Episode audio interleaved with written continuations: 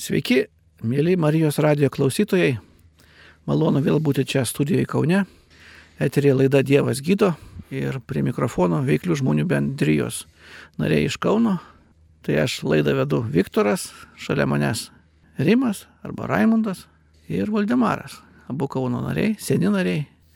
Mes kaip visada pasiruošę paliūdyti jums savo gyvenimo istorijas, papasakot, kodėl mes šiandien esame krikščionys, kodėl mes šiandien esame su Dievu, kas mus tai paskatino ir papasakosime Dievo darbus mūsų gyvenime.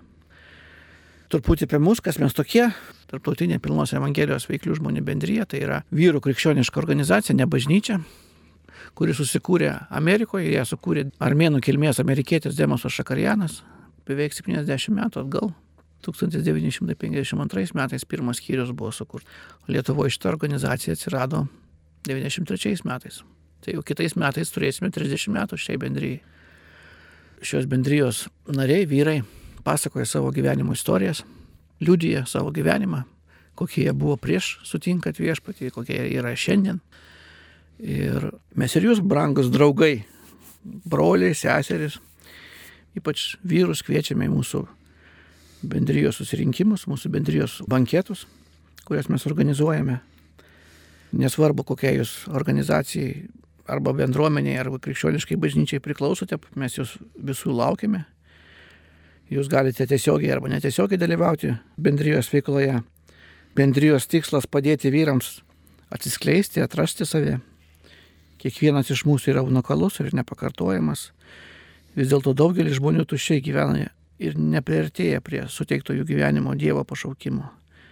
Nespėja realizuoti turimų talentų ir gabumų Todėl žmonės jaučiasi labai nelaimingi, neturintys gyvenimo pilnatvės, prasmės gyvenimo. Ir šitoje bendryje mes atrandam savo pašaukimą, savo talentus, savo dovanas, kurias Dievas yra mums davę. Ir tokiu būdu atradę tą vietą, kurią Dievas mums yra skyręs, mes tampame laimingiausi žemėje žmonės. Taip ir mūsų knygutė vadinasi laimingiausi žemėje žmonės. Surašyta visa šios bendrijos istorija, kaip Dievas davė prieškimą šios bendrijos įkūrėjui Demusui Šakarijanui davė viziją, kuri šiandien pildosi, kad milijonai vyrų per šią bendryją buvę dvasiškai mirę, šiandien iškėlė rankas į dangų, šlovina ir garbina Dievą. Ir tai yra duota kiekvienam norinčiam ir ieškančiam. Tai mūsų renginių metu jūs išgirsite tos liūdimus, permainas, kurios atėjo netikėtai jų gyvenimus.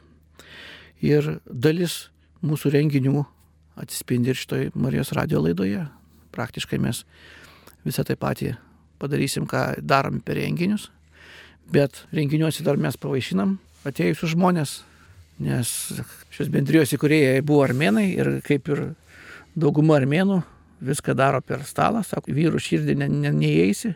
Jeigu pilvas tuščias ir skrandis tuščias, tai mes pavaišinam, papasakojam savo istorijas ir pasiūlom kiekvienam, kaip ir šiandien, sukalbėti atgailos maldą, per kurią paprastas vyras tampa nepaprastu jame apsigyvena šventoji dvasia ir jie tampa krikščionimis.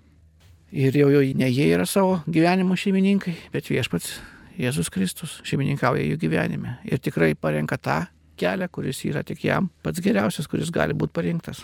Tai atsispindėjo šiandien Rimo ir Valdemaro liūdimuose. Taigi daugiau tęsia po liūdimo, bet jeigu norite apie mus daugiau sužinoti ir mūsų renginius, tai mūsų svetainėje važb.lt. Mano telefonas 868686 828. Jeigu turėsit klausimų, prašau, skambykite.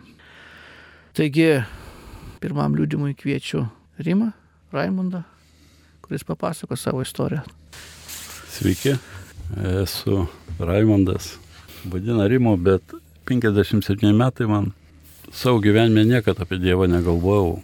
Žinau, kad jisai ko gero yra, bet niekad nesirūpinau ar čia reikia pažinti, ar čia užtenka tik į bažnyčią nueiti. Neįsivaizduodavau. Nebuvo intereso jokio. Aišku, aš savo gyvenime pradėjau labai anksti vartoti alkoholį. Būdamas jau penktoj klasėje, jau mes su draugais gerdavom. Ir iš tikrųjų aš kito gyvenimo kaip ir nelabai mačiau, nors gal nenorėjau matyti, nes gėrimas tai buvo labai skanu. Ir kai man sukako jau 18 metų, Aš supratau, kad esu įklimpęs į alkoholį, bet aišku, pripažinti nenorėjau to. ir galvojau, čia nieko tokio, viskas kontroliuojama. Išėjau į armiją, po armijos grįžau ir galvojau, gal, nu, truputį pasidžiaugsim, pasilinksminsim. Paskui kaip ir, iš tikrųjų, kaip ir visi žmonės, norėjau turėti normalų gyvenimą, turėti šeimą, vaikus, visą kitą. Bet aš supratau, kad mano gyvenimas, tas gėrimas, tai buvo gyvenimo būdas. Ir aišku, aš sėkmingai gėriau ir kuo toliau, tuo daugiau. Ir 89 metais aš jau gėriau kasdien ir supratau, kad jeigu aš sukurčiau šeimą, tai galbūt pasikeistų požiūris į gyvenimą. Bet aišku, sukūriau šeimą, mums gimė dukrytė, o realiai niekas nepasikeitė. Gert geriau, kuo toliau, tuo daugiau. Ir aišku, jau po dviejų metų mes kalbėjom apie skirybas. Tiesa, aš dar vis galvodavau, kad alkoholizmas yra išgydomas, kad tai lyga kad suleis kažkokių vaistų ir kaip ir pasveiksi. Girdėdavau, koduodavosi, siguldavau į narkologinę. Aišku, pasiekmių nežinau, kas ten kuo baigdavosi. Bet turėjau širdį tą dalyką ir kai aš jau šeimą sukūriau, geriau kasdien ir mes pragyvenom jau tris metus, mums papasako apie Jėzų, bet aš tvirai sakius, tai net netikėjau tokiais dalykais, kad Jėzus gali išgydyti, išlaisvinti. Aš kai gerdavau, būdavom dažnai susipykę su žmona ir man buvo eilinis kartas susitaikyti, tai mus pakvietė į bažnyčią, išgirdom pamokslą, kurio aš visai nesupratau, net nesupratau, apie ką ten kalba. Po visų tų pamokslų pakvietė į priekį sukalbėti maldą. Aišku, išėjau, sukalbėjom tą maldą ir kaip daugelis sako, gyvenimai pasikeitė, mano irgi pasikeitė tik ne į tą pusę mano pasikeitė, nes pradėjau žymiai daugiau gerti. Tai tada ir prisiminiau daktarus ir narkologinę, bet tai buvo 92 metai. Buvo tas narkologinis toks sovietinis dar. Ten supratimas buvo toks, kad atsigulė į narkologinį ir vakarais jau pradėjai galvoti, kaip čia dabar kudžiausiai iškiš per grotas, kad atneštų išgert ką nors. Ta mėnesį laiko, kol gulėjau, aš ten tai buvo ilgo laiko tarpas, kad aš nebūčiau negeręs. Ir iš tikrųjų išėjęs po ten, išbuvau dar dvi savaitės ir net laikiau. Dajom iki to, kad aš palikau šeimą, grįžau į savo gimtinę, Vilijampolę ir gyvenau paprastą alkoholiko gyvenimą. Iš pradžių dar gyvenau pas tėvus, bet paskui mama paprašė, kad negrįžčiau, sako, kur jau geri, tai ten gal ir nakvok. Man buvo toks labai legalus pretekstas e, laisvai pagyventi. Gyvenau tokioj landiniai ir vieną rytą, nežinau kiek laiko ten praėjo, ten laikas ištrintas, ten neegzistuoja laiko. Diena ar naktis tas pats. Ir vieną rytą, tai jau buvo arti kalėdos, kad aš nuėjau į vonios kambarį apsipraust veidą ir aš veidrodėje pamačiau save. Bet pamačiau ne taip, kad kaip iš šono žiūrėtų mano akis į mano atvaizdą. Ir aš pradėjau galvoti, kad šis vaikinukas, nes buvau 26 gal, kad šitas vaikinukas jisai turėjo minčių normalų gyvenimą turėti, norėjo gerai gyventi, turėjo vilties normaliam eiliniam gyvenimui. O jisai šiandien čia yra, kad jam labai skanu gerti. Praradau viską, praradau šeimą, žmoną, vaiką darbą, draugus normalius, nes ten tokie draugai, tai ir priešai nelinkėčiau. Ir atėjo man tokia mintis grįžti pa žmoną, atsiprašyti jos. Grįžau, atsiprašiau ir iš, kaip dabar sakau, gavau tai, ko negalėjau prarasti. Žmona sutiko, kad grįžčiau į šeimą. Tai jau buvo vėlyvas ruduo, kad mumis labai greitai pakvietė sutikti naujus metus bažnyčioje. Sutikom sudalyvauti ir 93 metai buvo mano nauji metai naujų būdų gyventi. Ta naktį mes sėdėjom, bendravom, nors aš, kaip sakau, aš blaivas būdamas kalbėti mažai kalbėdavau. Aš daugiau klausydavau, ir, bet turiu meni, kad tą naktį mes praleidom krikščionių rate. Tai buvo visai kitoks bendravimas nei mano iki to laiko bendravimas. Ir su žmona jau iš ryto, kai namo grįžinėjom, aš žinau, kad nebegersiu nežinojau, kaip dabar čia reikės gyventi, kaip čia atrodys tas negerimas mano. Bet iš tikrųjų 93 metai prasidėjo mano blaivus metai. Buvo baime, nes, kaip minėjau, kalbėti nelabai man gavosi ryšliai blaivam. Nežinau, kaip čia bus toliau, bet buvo baime ir buvo kaip ir pasitikėjimas, nes kažkas naujo gyvenime vyksta, ko aš dar nesu išgyvenęs. Bėgo laikas, skaičiavau dienas, savaitę ir mino laiko, kai jau praėjo, kai aš jau buvau blaivas, nes vaikščiom ir bažnyčią, ir bažnyčiose vis girdėdavau, kad reikia skelbti Evangeliją. Tik neįsivaizdavau, kaip tai aš galiu tai paskelbti. Ir aišku, aš dirbu Stalin valdžiam ir nuėjau į Lentpjūvę tokią, kurioje dirbau papasakot apie Jėzų. Kai pasakiau, kad Jėzus gyvas, tai tik klausimą vieną atsimenu, sako, tai ką ir išgerti negalėsi jo. Ir aišku, prigėriau ten su jais visais ir iš ryto prabudęs iš tikrųjų aš džiaugiausi. Ne dėl to, kad prigėriau. Džiaugiausi dėl to, kad dingo baime. Aš supratau, kad esu laisvas nuo alkoholio. Tik tai aišku, man nereikėjo eiti ten, skelbti Evangelijos jiem. Ir 93 metai, nuo sausio pirmos dienos, mano gyvenimas pasikeitė. Viešpas atėmė gėrimą, aišku, rūkiau, rūkiau nuo pat vaikystės, net nežinau, kada pradėjau, aš tik atsimenu, pirmoji klasėje pirmą kartą mečiau rūkyt. Tai buvau užkėtėjęs alkorius ir rūkiau stiprias cigaretės. Ir kai tik pagalvodavau, kad reiktų pamažinti bent kažkiek rūkyti, tai visą laiką dvigubai rūkyti pradėdavau. Ir vieną dieną, tai buvo 95 metai, tai reiškia, aš jau du metus buvau tikintis, krikščionis, negerintis, priklausiau šitai bendryjai, eidamas į eilinį maldos susirinkimą, net neįtariau, ką viešpats turi man paruošęs. Jisai per vieno vaikinuko liūdimą patraukė rūkimą iš mes. Nebuvo jokių didelių pastangų mano. Aišku, gal ten kelias dienas liktais ir norėjosi užrūkyti, bet taip laisvai ir dingo tas rūkimas. Aišku, tai buvo du pagrindiniai tokie dalykai, iš ko viešpas mane išvedė, bet jisai kiekvieną dieną duoda dieną paruoštą su saiku tau.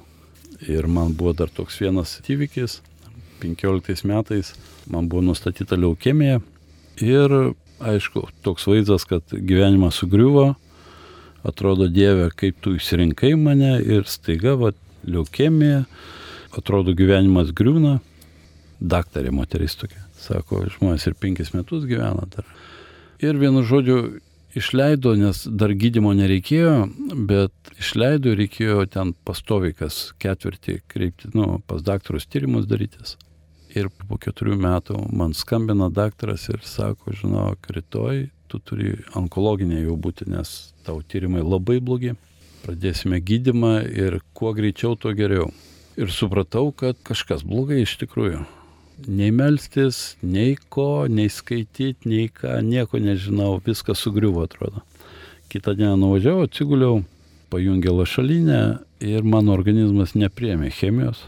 Tai dar daktaras atėjo toks piktas, kad čia lašalinę sugadinom be reikalo, dar tokia didelė. Ir taip liko. Ir užsuko pas mane į palatą trys iš mūsų bendrijos vaikinukai, kurie tarnavo kalėjime kadangi jie iš praviniškių grįžinėjo, užsuko į onkologinę, uždėjo rankas, pasimeldė keliais žodžiais, nes jie buvo pavargę, alkani ir praeidami, atrodo, pasimeldė, uždėjo rankas ir kitą dieną, kai padarėm kraujo tyrimą, leukocitai buvo normoje. Ir aišku, daktaras atėjo, sako, žinai, būna ir tokiu atveju būna. Aš tai žinau, dėl ko tai atsitiko. Dėl tos, kaip sakau, praeinančios maldos viešpats jisai tikrai gydo ne tik tai, kad būtent kažkas turi labai melstis, o tikintis žmonės, tikintis vyrai. Ir iš tikrųjų ir šiandien darausi kas ketvirtį tyrimus, tai tyrimai buvo tokie kaip tą rytą po maldos. Leukocitai normai, trombocitai normai, padarė kaulo čiulpų punkciją, atsakymas, Rimai, viskas gerai, gyvenk. Tai gal tiek. Ir ačiū Dievui, tikrai viešpats gydo, iš tikrųjų labai daug stebuklų mano gyvenime yra įvykę jau. Ir dar vyksta kiekvieną dieną, nes viešpats jisai yra ištikimas ne tik mums visiems, bet ir man asmeniškai. Amen. Dėkojam Raimondui už jo liūdimą. Sekantis liūdimas, kviečiu prie mikrofono Moldemarą, jis papasako savo istoriją. Labas vakaras visiems Marijos radijo klausytojams. Esu Valdemaras, 47 ar 8 metai net, niekad nežinau ir dabar nežinau. Esu tikintis Jėzum viešpačiu savo, ne visą gyvenimą taip nebuvo aišku. Buvau jaunas, tėvai buvo ateistai, netikintis, tėvelis praeitais metais išėjo amžinatliusi, toks buvo komunistas labai partinis, tai šeimoje niekada nebuvo kalbama apie Dievą ar apie bažnyčią, tiesiog tai buvo tokia neminima tomis temomis. Ir aišku, galėčiau pasakoti ir pakartoti visą Rimo istoriją. Nežinau, ar šiandien klausytai turintis daugiausia problemų su alkoholiu, daugiau klauso, nes tie liūdimai yra skirti būtent pagal mūsų veiklių žmonių bendrijos tą viziją. Tai yra, kad tas girdėtų, ką liestų tas liūdimas, tai būtent tie žmonės, kurie turi tas problemas. Tai vad, gal norėčiau kitą liūdimą labiau, būtent taip, buvau užsiemiau verslu, o paskui gyvenau landinėse ir daugiau bomžas buvau.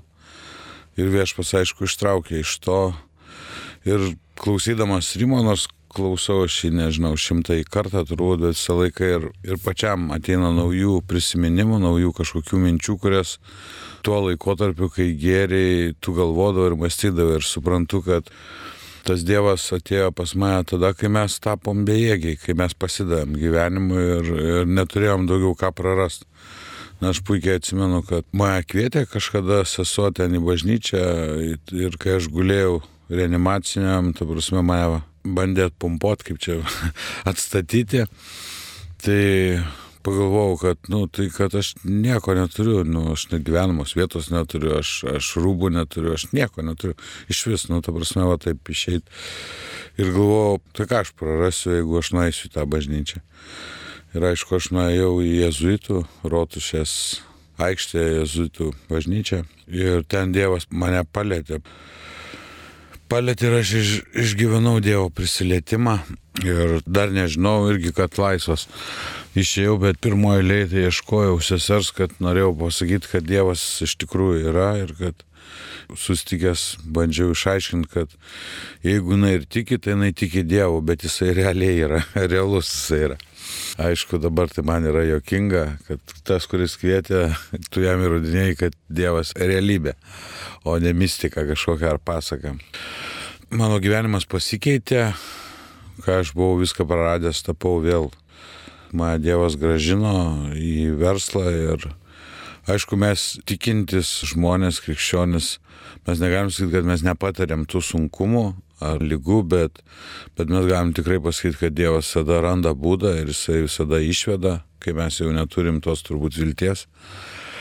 Noriu papasakoti, pas mane yra keturi infarktai. Viena buvo pilnai klinikinė mirtis. Dešimtais metais ir tai buvo skilvelių virpėjimas.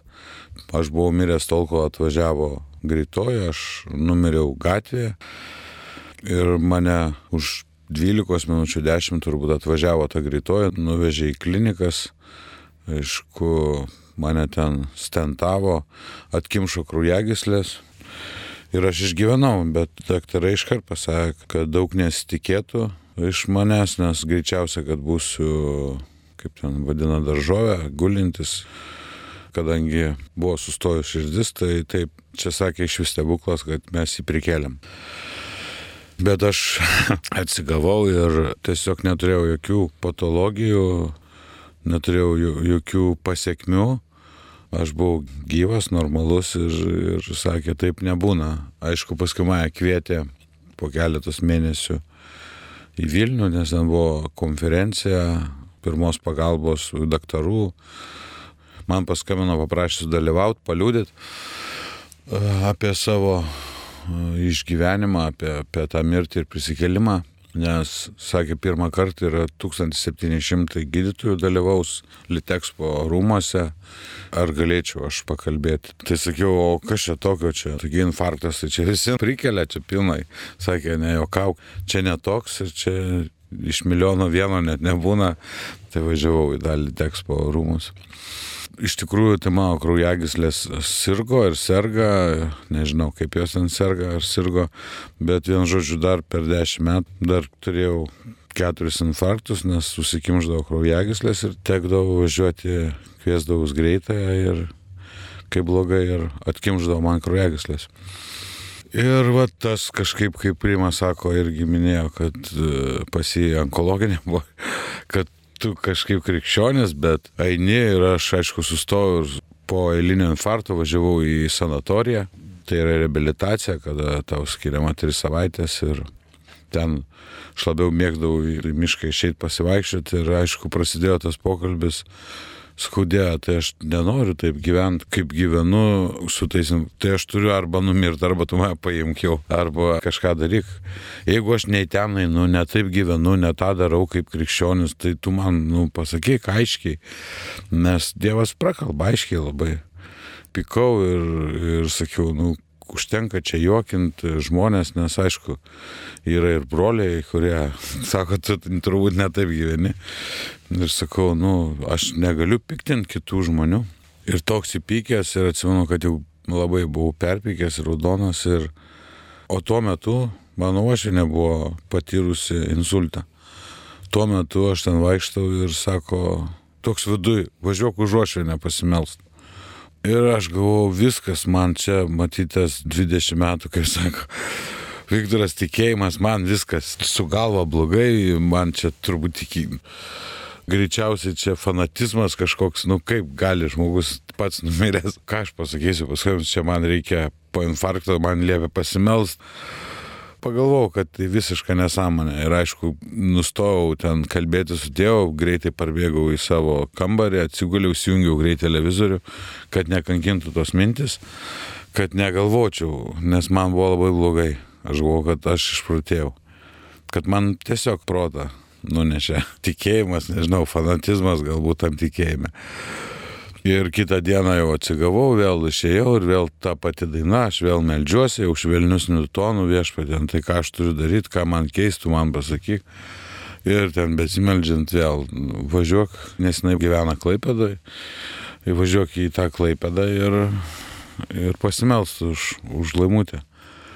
Ir aš tada jau pradėjau kalbėti, aš negaliu, nu tai kaip čia bus, kaip aš pasakysiu. O jinai aštuonios dienos jau buvo po penkių operacijų, penkias jai galvos operacijas padarė ir daktarai pasakė, kad viskas, mes nieko daugiau negalim daryti. Ir liepė važiuoti jau artimiesiems visiems atsisveikinti. Aš žinau, kad žmona turi važiuoti atsisveikinti, bet jinai kažkodėl dėlsi. Aš turiu tris vaikus, Ir va ten besimelsdamas, besimelsdamas, besivaikščiodamas, sakau viešpatė gerai, aš galiu nuvažiuoti, jeigu taip susiklostys, jeigu atidarysi duris, kad aš galiu važiuoti. Nu ir aš grįžau po rehabilitacijos, dar ten keletą dienų praėjo, aš grįžau namo. Ir buvo taip, kad žmona buvo neišvažiavus ir vaikai, sakau, tai ko nevažiuoja, nu, sako, nežinom, Jis sako, stresas dėlis. Ir taip išėjo, kad mes važiavam kartu. Galvoju, nu čia jau stebuklas, kad čia viskas taip susiklostė. Ir kai aš važiavau, aš toks buvau pripildytas tokio tikėjimo, kad vat, čia tikrai Dievo planas, bet kai atvažiavau ten į tą ligoninę ir pakilau ten į viršų, nežinau, atsimenu, kad kažkelintas aukštas, ten dar toks sovietmečio remontas ir eini per koridorių, ten metro duris visos darytos, bet visi ten ligoniai pasirodo po insulto ir ten seilės apibėgę, ten nu, visi apibintuoti, visi kominiai tokie. Ir man tas tikėjimas labai greitai baigėsi ir aš galvoju, ką aš čia atvažiavau daryti, nu, pasijaučiau, kad čia toks viduj, kad čia klaunas, atvažiavai, numiręs žmogus guli, tai buvo aštunta para, kaip jinai buvo komoje ir, ir jie jau viską atjungė, aparatų sakė, viskas jau mes neturim teisės jai čia kažką duoti, nes čia kainuoja. Kai aš ėjau į tą palatą, tai net mamos net pažino žmona Tu prasme, ant kiek jinai buvo, jinai taip labai kūda, aš negalvau, kad gali būti kūda žmogus dar kūdesnis. Ir tos trekždario galvos nebuvimas, nu, man tai buvo šokas. Mes ten stovėm toj palatui ir aš buvau pasimetęs ir sakau, dėja, tai ką aš čia turiu daryti ir, ir žinau, kad turiu melstis ir tokia baime, sakau, nu tai turim melstis dabar. Ir pradėjom melstis. Ir taip pripildė Dievas tą maldą, kad aš negalėjau sustoti jau melstis, aš tiesiog nesupratau. Ir tik tai jau girdžiu, kad uh, žmona ten šaukia, kad jos mama verkia, ką daryti. Kai meldžiaus buvau užsimerkęs, atsimerkiu, žiūriu, tikrai ašaros bėga. Dar pasimeldėm ir paskui sunaus sakau, kada manai mačiutė persikels, sako, rytoj. Kitą dieną pasirodo tikrai seselė ėjo, naktį užėjo apžiūrėti ir rado sėdinčiau ją. Tai buvo visiems, aišku, šokas ir, ir viskas ir po šiai dienai jinai nežinau, čia prieš kokius penkis metus gal buvo, ar keturis, tai jinai po trijų savaičių ten kvietė, daktarus liepė nuimti, nes jinai polė langus valyti. Nu, tokia darboholikas visą laiką turi dirbti. Sakė, aš negaliu. Vienu žodžiu, irgi jokios tokios kaip patologijos neliko ir daktarai yra nustebę.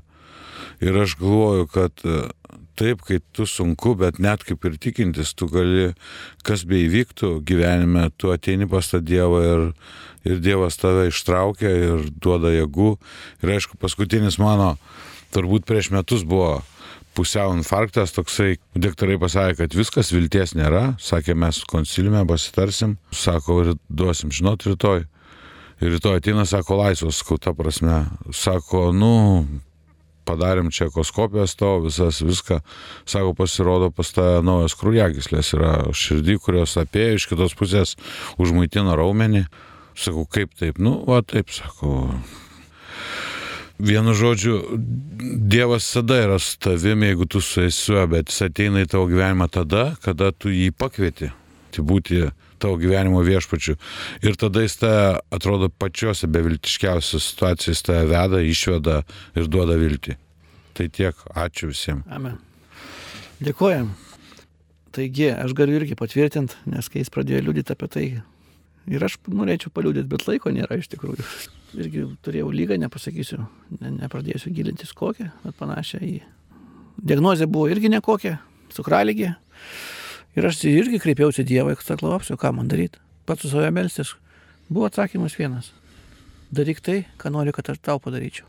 Eik melskis žmogus sergantis cukralygį ir ta jėga, kuri jį gydys, išgydys ir tave. Ir aš net pasipiktinu, kur aš dabar rasiu 20 metų bendryje, 17. Nekarto nesu meldęsis už žmogų cukralygį. Bet pirmam renginiui, kuriam dalyvau, atėjo moteriškiai, sako, aš noriu, kad pasimelstum. Sakau, kas jums yra? Sako, cukralygį. Ir aš sakau, jau tu išgydyta. Ir jinai, o kažkur tu žinai, sakau, žinau. Ir aš kai nuėjau po tyrimų pas gydytoją, gydytojas sako, viskas su jums tvarkoja, nors jau buvo prognozija, kad valgysiu vaistus visą gyvenimą, taip toliau, taip toliau. Taigi Dievas realus gyvas ir jeigu jūs norite pasikviesti šitą viešpatį savo gyvenimą, tai yra tas laikas. O jeigu norit, kad mes rankas uždėtume ant jūsų, nes parašyta, visi krikščionis dės rankas ant ligonį šitie pagės. Ateikite mūsų renginius, kuriuos rasite mūsų svetainėje važab.lt. Bet turėkit viltį, gal Dievas ir dabar jūs palies. O gal ir palėtė, pavadykit patikrintas vietas, kurios skaudėjo. Bet pasimelskim, išbandykim viešpatį. Leiskime jam veikti jūsų gyvenime. Padarykime jį savo viešpačiu. Ir tam yra žodžiai, kurie išrinkti iš šventojo rašto, kurie veda ir išgelbėjimą. Romiečiams 10 skyriuje 9 eilutėje pasakyta, jeigu lūpomis išpažinsi savo nuodėmės, jis ištikimas ir teisingas, kad atleistumėm nuodėmės. Jeigu lūpomis išpažinsi viešpati Jėzų ir širdimi tikėsi, kad Dievas jį prikėlė iš numirusių, bus išgelbėtas parašyta. Taigi Dievas davė mums laisvą valią pasirinkti. Niekada jis neteis į jūsų gyvenimą, jeigu jūs jo nepakviesite, jeigu neduosite jam leidimų, nes jisai gerbė jūsų valią. Jeigu tai būna jūsų malda į viešpatį Jėzų Kristų, garsiai, nes pasakyta, jeigu lūpomis išpažinsi, tai tai turi būti garsiai, lūpomis, nemintyse. Kalbėkit šitą maldą, kurią reikia vieną kartą, tik tai pasimelsti ir jisai tikrai ateina į mūsų gyvenimą ir, ir veikia jame. Taigi nuleiskit, kaip sakoma, galvas, jeigu esate ne vieni. Užsimerkite ir kartokite paskui mane. Ta malda, kuri jūs padarys krikščionių, padarys Dievo vaikų ir duos amžinai gyvenimą. Ir jo žaizdomis jūs esate išgydyti. Ir dar, dar daug pažadų yra duota. Bet tai sužinosite vėliau. Viešpatie Jėzau Kristau. Viešpatie Jėzų Kristų, Aš ateinu pas tave, aš ateinu pas tave, būdamas toks, koks esu. Būdamas toks, koks esu. Pripažįstu, kad esu nusidėjėlis, Pripažįstu, kad esu nusidėjėlis stokoju tavo šlovės ir garbės. ir stokoju tavo šlovės ir garbės. Aš tikiu viešpatį, Aš tikiu kad viešpat, prieš 2000 metų kad prieš 2000 metų tu mirėjai ant kryžiaus, tu mirėjai ant kryžiaus, pralėdavas savo brangų šventą kraują, pralėdamas savo rankų šventą kraują. asmeniškai dėl manęs, Asmeniškai dėl manęs, dėl mano padarytų kalčių ir nuodėmių. Dėl mano padarytų kalčių ir nuodėmių. Tikiu, kad trečią dieną prisikėlė iš numirusių Tikiu, kad trečią dieną prisikėlė iš ir numirusių esi gyvas šiandien. ir esi gyvas šiandien. Ir savąją dvasę esi šalia manęs. Ir savoje dvasia esi šalia manęs. Atleisk man Atleisk man už visas mano padarytas kaltes ir nuodėmės. už mūsų mano padarytas kaltes ir nuodėmes. Savo šventų krauju nuplauk mane. Savo šventų krauju nuplauk mane Nuo viso, kas mane buvo suteršę ir surišę. Nuo viso, kas buvo mane suteršę ir surišę. Savąją dvasę įeikis mano širdį ir mano gyvenimą. Savoje dvasia įeik į mano širdį ir mano gyvenimą. Padaryk mane Dievo vaiku Padaryk mane Dievo vaiku ir dovanok man amžinai gyvenimą. ir dovanok man amžinai gyvenimą. Aš priimu tave dabar Aš priemu tave dabar ir savo širdimi tikėdamas, ir savo širdimi tikėdamas, lūpomis išpažįstu tave, lūpomis išpažįstu tave, savo sielos gelbėtojų savo sielos gelbėtoju ir gyvenimo viešpačiu. ir gyvenimo viešpačiu. Amen. Amen. Tiesiog sveikinu kiekvieną, kuris tai pirmą kartą padarė, nes tikrai Dievas priėmė tą jūsų maldą ir išgirdo. Ir tada čia tokia atėjo mintis, kodėl kartais krikščionys serga, nes jeigu jie nesirgtų, jiems nereikėtų gydytojo. O jisai yra mūsų gydytojas ir mūsų atrama, ir mūsų pasitikėjimas, ir mūsų ramstis. Jisai numirė ant kryžiaus ir leido save mušti, kad jo žaizdomis būtume išgydyti. Šventam rašte pasakyta, kad jie dės rankas ligonį, šitie pagės. Jie melsis ir jie irgi bus pagydyti. Jie darys tą patį, ką aš dariau ir dar daugiau darys. Taigi mes dabar norim už jūs pasimelsti, kiekvienas atskirai pasimelsime trumpai.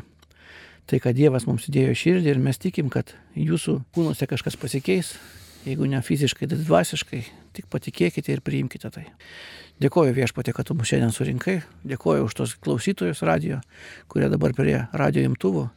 Tiesiog aš dabar kreipiuosi jos kūnus ir sakau, kūnai, būkite išgydyti dabar, Jėzaus Kristaus vardu. Tiesiog būna pilnai išgydytos jų rankos, kojos, nugara, o ramas, ramas, ramas. Išgydyti jų organai. Tiesiog tegu visas kūnas būna išgydytas nuo kojų pirštų iki pakaušio viršūnės. Tiesiog dabar, tiesiog dabar. Tiesiog at- ateina pilnas išgymas, pilna laisvė. Jėzaus Kristaus vardu. Taip pat melžiuosi už cukraligę, melžiuosi už kepenis, kurie tiesiog negamina to insulino. Tiesiog Jėzaus Kristaus vardu būk išgydyta kepenys ir visi organai. Cukraligė lauk iš šitų kūnų Jėzaus Kristaus vardu, nes Jėzaus vardas yra aukščiau bet kokį vardą, taip pat ir už cukraligį. Jėzaus Kristaus vardu. Amen. Ir aš dabar tikiu, kad jūsų kūnuose atsirado pasikeitimai, jeigu ne dabar, tai rytoj iš šito, jūs išbandykite dabar, padarykite tai, ko anksčiau negalėjote. Pamatysit, kai jėga grįš į jūsų kūną ir sveikata. Jėzus. Būkit palaiminti. Prašau, Valdemarai. Meldžiuosi už tos žmonės, kurie, aš tikiu, kad tie, kurie klauso, tikrai nesusirinko paklausyti Valdemaro. Viešpats surinko prie radio imtų, surinko mus čia paliūdyti ir aš meldžiuosi už tos žmonės, kurie turi alkoholizmo problemas, kurie yra surišti su kažkokias svaiginasi, narkomanai, alkoholikai, azartinių žaidimų lašėjai. Aš meldžiu viešpatę, kad paliestum tos žmonės, kad suteiktumėm laisvę, juos išlaisvink iš, iš tų pančių, iš bet kokių priklausomybių. Taip pat meldžiu už, už nikotino, cigarečių priklausomybės, kad žmonės išlaisvintum. Taip pat meldžiu už visus ligonius, kurie taip pat patyrė insultus, kad atstatytum viešpatę, ką velnė sugriovė, atstatytum jų sveikatas, apsaugotum kiekvieną ir te tavo kraujas viešpatę nuplauna, išgydo tavo gydančioji ranka. Amen. Viešpatė, prašau prisilies prie kiekvieno, kuris dabar klauso šią laidą viešpatė, kuris praradęs viltį savo gyvenime, kuris neranda atramos, kuris dugne surado dugną, viešpatė, prašau prisilies prie jo, išlaisvink jį viešpatė iš įvairių priklausomybių, kad galėtų jisai išlovinti ir garbinti tave. Jėzus Kristus vardu. Amen. Amen. Taigi, laikas mūsų baigėsi, būkite palaiminti Ir norėčiau juos pakviesti į artimiausius mūsų renginius, kurie įvyks sekmadienį, panevežyje 15 val. Kavinėje, Kafenhaus, Ukmergės gatvė 3. Ir taip pat kviečiame į Kaune banketą, kuris įvyks sekmadienį 16 val. Tunelaičio gatvė 27. Radison Hotel Kaunas viešbutį antram aukšte. Įėjimas nemokamas, registracijos jokios nėra. Tikrai pamatysite to, ko dar nematė. Ir iki naujų susitikimų.